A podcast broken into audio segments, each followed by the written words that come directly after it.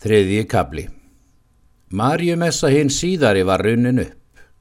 Hinn helga fæðingarháttíð Marjum eigjar sem haldinn var í katólskri tíð með litlu minni dýrð og prís en jólinn.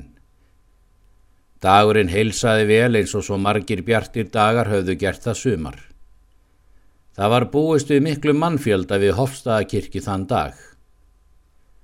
Það var uppi fótur og fit á öllu heimilinu og það var engin förða. Hofstaður höfðu lengi átt í láni að fagna að eiga hinn að helgustu mynd allra helgra mynda sem þá voru til á landinu. Síðan krossmarki mikla og fagra í kaldarnesi var brotið og brent. Að vísu var þá annar kross til á hólum sem Jón biskup Arason hafði fengið sunnan úr löndum og sett í domkirkjuna þar. Undir áhrifum þeirrar mistaralegu myndar hafði hann ort hinn fögru og trúarheitu kvæði sín, krossvísur og píslar grát. En krossmarki mikla var of nýtt til þess að vera búið að fá nokkra sérstaka helgi í augum manna. Til þess þurftu nokkri mannsaldrar og það hefur líklega orðið til þess að krossmarkinu var hlýft. Þegar viður stigð eidileggingarinnar satar á helgum stað árið eftir að þessi saga feð fram. Varla gata hann að verið eftir því sem þá gerðist.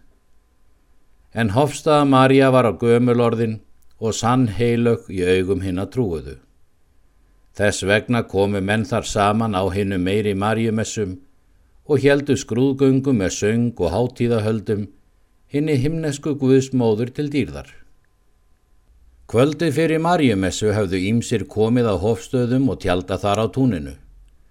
Það voru ímsir heldri menn úr skagafyrði og næstu síslum, prestar og göfýr bændur.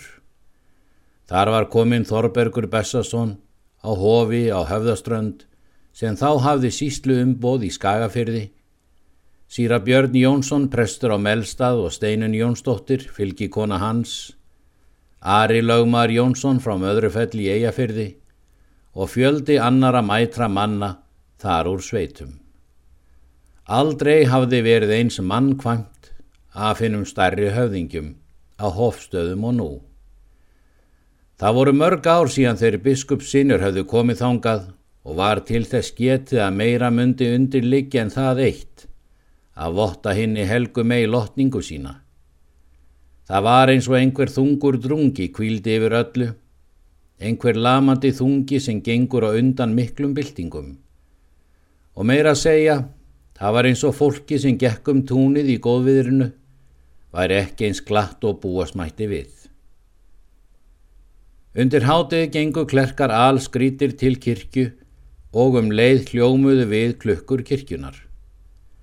Sapnaðist á allur mann grúin saman heima sáluhliði kirkjunar og beigð þar og skipaðist hann í saman að opinn göng voru í gegnum mannþyrpinguna fram frá sáluhliðinu. Þegar lítil stund var liðin var hafinn latínusöngur í kirkjunni og var yfir honum mikill hátíða blær. Tóku þá allir karlmenn, þeir eru úti voru, ofan höfuð fött sín og horðu til jarðar með hinnu mesta guðrækni svip. Innan skams opnaðis kirkjan og útkom fyrstur manna Haldon Prestur Halsson, kirkiprestur á Hofstöðum og við hlið honum gekk síra Björn á Melstað. Haldon Prestur var mikill maður vexti, gamall og kvítur fyrir hærum, fríður maður sínum og öldungslegur. Mikill trúar hitti ljómaði af andliti hans. Hann bar uppáhaldsteku mikla af drifnu silfri, var hún að ofan með þrem liljum og í hverju lilju var digurt vakskerti. Ljós logaði á öllum kertónum og svo kyrt og stilt var veðrið að varla blöktu ljósin á kertónum. Björn Prestur var minni maður vexti og harlegur og svip, ljós á brún og brá og var sem honum var í samum það sem gerðist. Hann bar litla marjumynd úr tré, var kóróna myndarinnar öll loga gilt og svo barmar og faldur klæða hennar, en öll var hún sáð giltum stjörnum. Myndin var sítjandi á sjálfgerðum stóli og voru húnar stólbaksins gildir. Svo var og gilt kórána og höfði barsins sem satt á keltu hennar. Þeir gengu hægt og still til kirkjugarsliðsins en glukkurnar ringdu við hægt og stillilega. Á eftir þeim kom allu presta skarinn. Þessi hópur stemdi svo aftur út úr sáluhliðinu og út í kvína milli fólksins og allt fólki úr kirkinu og eftir. Síðan gekk fólki sem úti var á eftir. Þessi prósessía helt svo áfram sólar sinnis út á túnið, kringum bæin og kirkjugarðin. Prestarnir sungur lágt lofsöng á latínu til Maríu megar en fólki gekk á eftir með nýðurlútum höfðum og tautuðu þeir bænir á bjagaðri latínu sem svo voru lærðir eða þá á íslensku hver það sem hann kunni. Sumir lásu Ave Maria eða einhverjar af þessum ótal Maríu þulum sem voru þá til í alþjóðumunni, sumar á latínu, sumar á íslensku, sumar blendingur á kóru tveggja. Ingjaldur og Margret gengu mjög framarlega í fylkingunni. Þau tautuði í halvum hljóðum þessa vísur Lilju sem vottar svo mikinn trúarhita og yfirbyrði yfir flest annað sem ort hefur verð á Íslandi þess efnis. Marja vertu mér í hjarta, mildin sjálf, því gjarna vild ég, blessu þér ef ég mætti meira, markfaldastan lofsöng gjalda. Lofleg orði ljóðagjörðum, af listilegri móður Kristi, öngum tjáir að auka lengra, Einn er drottin Maríu hreitni. En síðan lásu þau Afi María nokkrum sinnum og eftir. Var þá þegar komið að sálu hliði. En um leið og prestarnir koma að sálu hliðinu raka á snöggvan vinnbill, svo að ljósin á kertonum sloknuðu og eitt kerti brotnaði úr liljunni og fjell til jarðar. Og um leið dró skínóðra lítinn fyrir sólu. Bílurinn fjall svo nýður aftur og innan skamst ró skínóðran aftur frá sólunni. Eitt prestana begði sér nýður og tók kertið upp. Svo gengu þeir í kirkju allur söpnurinn og eftir. En einhver ónóta áhrif hafði þetta atvik á suma. Margrét fölnaði upp. Ingjaldur krefti nefan. Engin sagði orð. Messan hófst í kirkjunni eins og vant var. Heima við bæin stóðu tveir menn sem ekki tóku þátt í prósessíunni en horði aðeins á. Annar þeirra var Helgi, hann hafði þá verið nær halvan mánuð á ferð og farið víða til þess að hitta kunningja sína frá fyrri árum og gista hjá þeim. Sumir þeirra voru nú ornir bændur þar í grendinni og nær sveitónum, en öllu fremur var nú þessi ferð samt njósnar ferð til þess að komast fyrir hvað Jón Biskup hefði með höndum. Ekki hafði hann samt þóra að fara heima hólum, vissi að það gætt verið varúðarvert og lítið líklega á því að græða.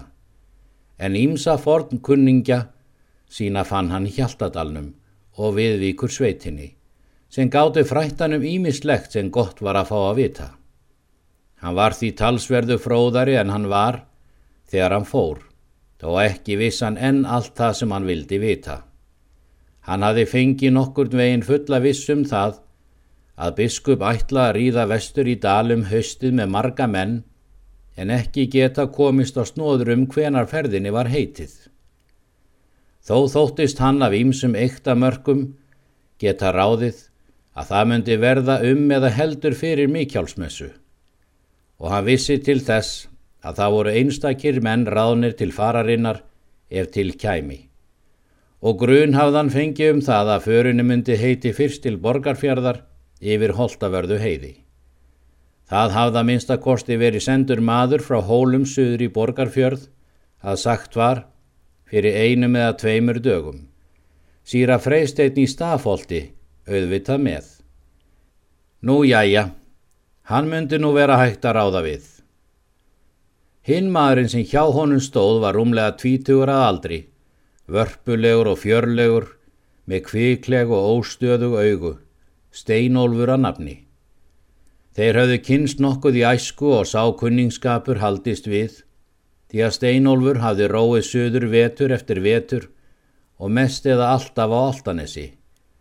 Hann hafði alist uppi mörg ára á hólum og verið í sendiferðum á þjónustu þeirra feðga og náð talsverðri hilli þeirra. En þó hafði hann ráðist hann um tvítugt og gerst vinnumadur í Axlarhaga. Þaðan rýri hann söður og þar hafði hann kynst hinn um nýja sið og tekið hann að fullu upp með sjálfum sér en þorði ekki annað en leina því enn að fullu niðra. Hann hafði þegar fengið fulla anstigð á allri helgramannadýrkun og helgisiðum katólskra manna og þá um leið líka á þeim sem þeim sið fyldu. Lítil mennið í anda setur alltaf mannin og málefnið í sama flokk. Þessa alls vegna tók hann og engan þátt í prósessíunni en myndi hafa gert það samt ef Helgi hefði ekki verið þar hjá honum, ekki þórað annað. Þeir félagar horðu þegjandi á þennan heimskulega leik sem þeim þótti vera og hlóðu dátt, þegar vingusturinn kom og slökti ljósinn. Vonandi þetta verði með seinustu ljósónum sem kveikt verða fyrir þessu apabíli, saði Helgi glottandi. Þessi vingustur spáð ekki hofstaða Maríu góðu. Getur verið, en þá líka fleirum vona ég. Auðvita allir í fausk og djöbladýrkun og klerkavaldi og hefði fyrir þurft að vera. Það er auðvitað. En hofstaða Maríu er rík. Hver fær allt silrið og gullið sem hún á? Kongunum líklega, ef ég verð ekki búin að ná í eitthvað af því áður, en við skulum ná ganga upp fyrir tún, hér þefjar íllaf reykjelsu og marjusöng. Þeir gengu hægt upp eftir túninu. Söngurinn frá kirkjunni dopnaði eftir því sem fjær dró og kvarfa síðustu alveg. Hvað ætlar þú annars fyrir þér, Steinólfur? Fara suður í haust eða ekki fyrir ná vertíð? Ég veit ekki hvað Haldur gerir.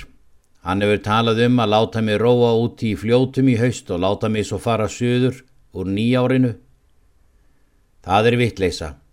Þú er miklu meiri fisk upp með því að róa söður. Ég ávi skiprúm handa þér hjá góðum formanni. Þú getur róið þar á einum kongsbátnum. Abla þeir vel. Ágætlega best af öllum. Þetta er langbest. Þú verður auðvitað þinn maður þar. Ég fæ mig ekki lausan. Láttu mig um það. Það þykir mér hart ef ég fæ þig ekki lausan, ef ég gef haldóri alveg eftir sumarkaupið þitt. Átt ekki hest? Ég á tvo hesta, en mér þykir hart að missa sumarkaupið mitt. Ég hef unni fyrir góðu kaup í sumar. Ég skal sjá til þess að þú fáir það annar staðar að og það velborgað. Ert þú nú ekki einn af þeim sem átt að verða í vesturferðinni tilvonandi? Ég býst við því, eða svo segir Haldur, en það nú líklega einn halfur mánuður þanga til. Þanga til verður þú að vera heima. Það væri einmitt ágætt að hafa því með í ferðinni. Þú gætir þá gert mér og höfusmanninum ómetanlegan greiða. Hvernig get ég það? Lerað og njóstnað um hvernig þeir ætla að haga ferðum sínum og hvað þeir ætla að gera. Þú ættir að fylgja þeim alla leið söður í stafolt ef þeir fara þangað. En hvernig sem gengur verður þú að reyna að svíkjast frá þeim svo snemma að þú gætir komið svo sem degja undan þeim vestur að söðafelli til þess að gera daða varan við. Já, ég verð að reyna það, en þá má ég aldrei koma norður aftur ef ég svík þá svona. Nei, þess vegna ætla ég að fá þig lausan úr vistinni til þess að þú getur komið suður til okkar úr þessari ferð. Ef Haldur fæst þá til að sleppa mér. Haldur skal sleppa þér. Láttu mig um það. Hann er engin vinur biskups og ekkert fráleitur hinn um nýja sið. Hvor sem þeir rættu þetta má lengur eða skemur var niðurstaðan svo að Steinólfur tók þetta njósnarstarf að sér svo að ég nefni það ekki ljótara nafni. Fólki var að ganga úr kirkju þegar þeir komu heim. Helgi náði þegar í Haldur, heimti hann á talvið sí einrúmu og fór að semja við þannu mannin. Haldur tók því heldur döflega í fyrstu, en fór að línast þegar hann fekk að vita að hann þyrti ekki að greiða Steinólfi neitt sumar kaupið. Svo gatt Helgi þess að afgjaldið af axlar hagamundi vafalaust lækka ef umráða mannaskipti yrð á jörðinni. Það var í þungur ábökull að verða að fóðra uksa og vetrung af staðnum og gjalda samt meiri landskuld. Þessi fóður fjallu auðvita nýður eða biskup og sínir hann stitt úr sögunni. Við þessa von var Haldur talsvert lindar í síðbótinni en áður og slefti manninum tregðu laust. Síðan gengu þeir félagarinn í bæ. Aðkomi fólki var þá sem óðast að búa sig til brottferðar. Fjöldi söglaðara hesta voru þar að rásum allt túnið og fólk og hestasveinar að týna þá saman. Þeir bræður Ari Lögmar og Síra Björn voru að fara á bak höfðu þeir með sér marga sveina og fjölda hesta. Riðu þeir af stað sem leið liggur út að hálsin og til hóla. Ímsir tignar menn urðu þeim samferða. Þorbergur síslumar og ímsir fleiri. Helgi gekk til baðstofu og var þar enn fullt af fólki. Hitti hann enn marga kunningja sína frá fyrri árum og var það því spjall og galsi mikillum stund. Þanga til fóra fjara út og fólki að týnast af stað. Þegar allt fólki var farið, var nær miðjum aftni. Nokkrir prestar úr fjarlagari hlutum síslunar og að vestan voru þar eftir og byðu snæðings. Þeir sátu inn í stofu eða gengu þar um golf og voru að spjalla saman. Var vel ofrað í dag, spurði eitt prestana og vek sér að í presti. Mér verðist fólk vera að dopna með það nú á síðara árum. Ég læta vera, eftir því sem nú er farið að gerast, svaraði Haldón. Það er nú afsú tíðin sem áður var þegar Teitur lögmar gaf Marju snembæra kú á hverju hausti. Nú gaf síslumarinn þrjevetran sögð. Það var nú stærsta stikkið. Einstökum menn gáu Jóakimstal eða þá Rósinóbel en hitt var ekki teljandi einstöku smá skildingar, ringar og festar, allt lítil svirði. Rétt í þessu voru prestar kallað til borðs í stofu. Þar var búið borð með vistum og ölkonnum og settust þeir að borðum eftir því sem hverjum var tilvísað. Húsbóndi satt fyrir miðjuborði og haldan prestur aðra hönd honum. Út á þeim sátu svo prestarnir á báðar hendur. Hínum megin við borðið sátu þeir báðir bræður, Ingjaldur og Helgi og út frá þeim nokkrir aðkomi menn. Alls voru tólf manns við borðið.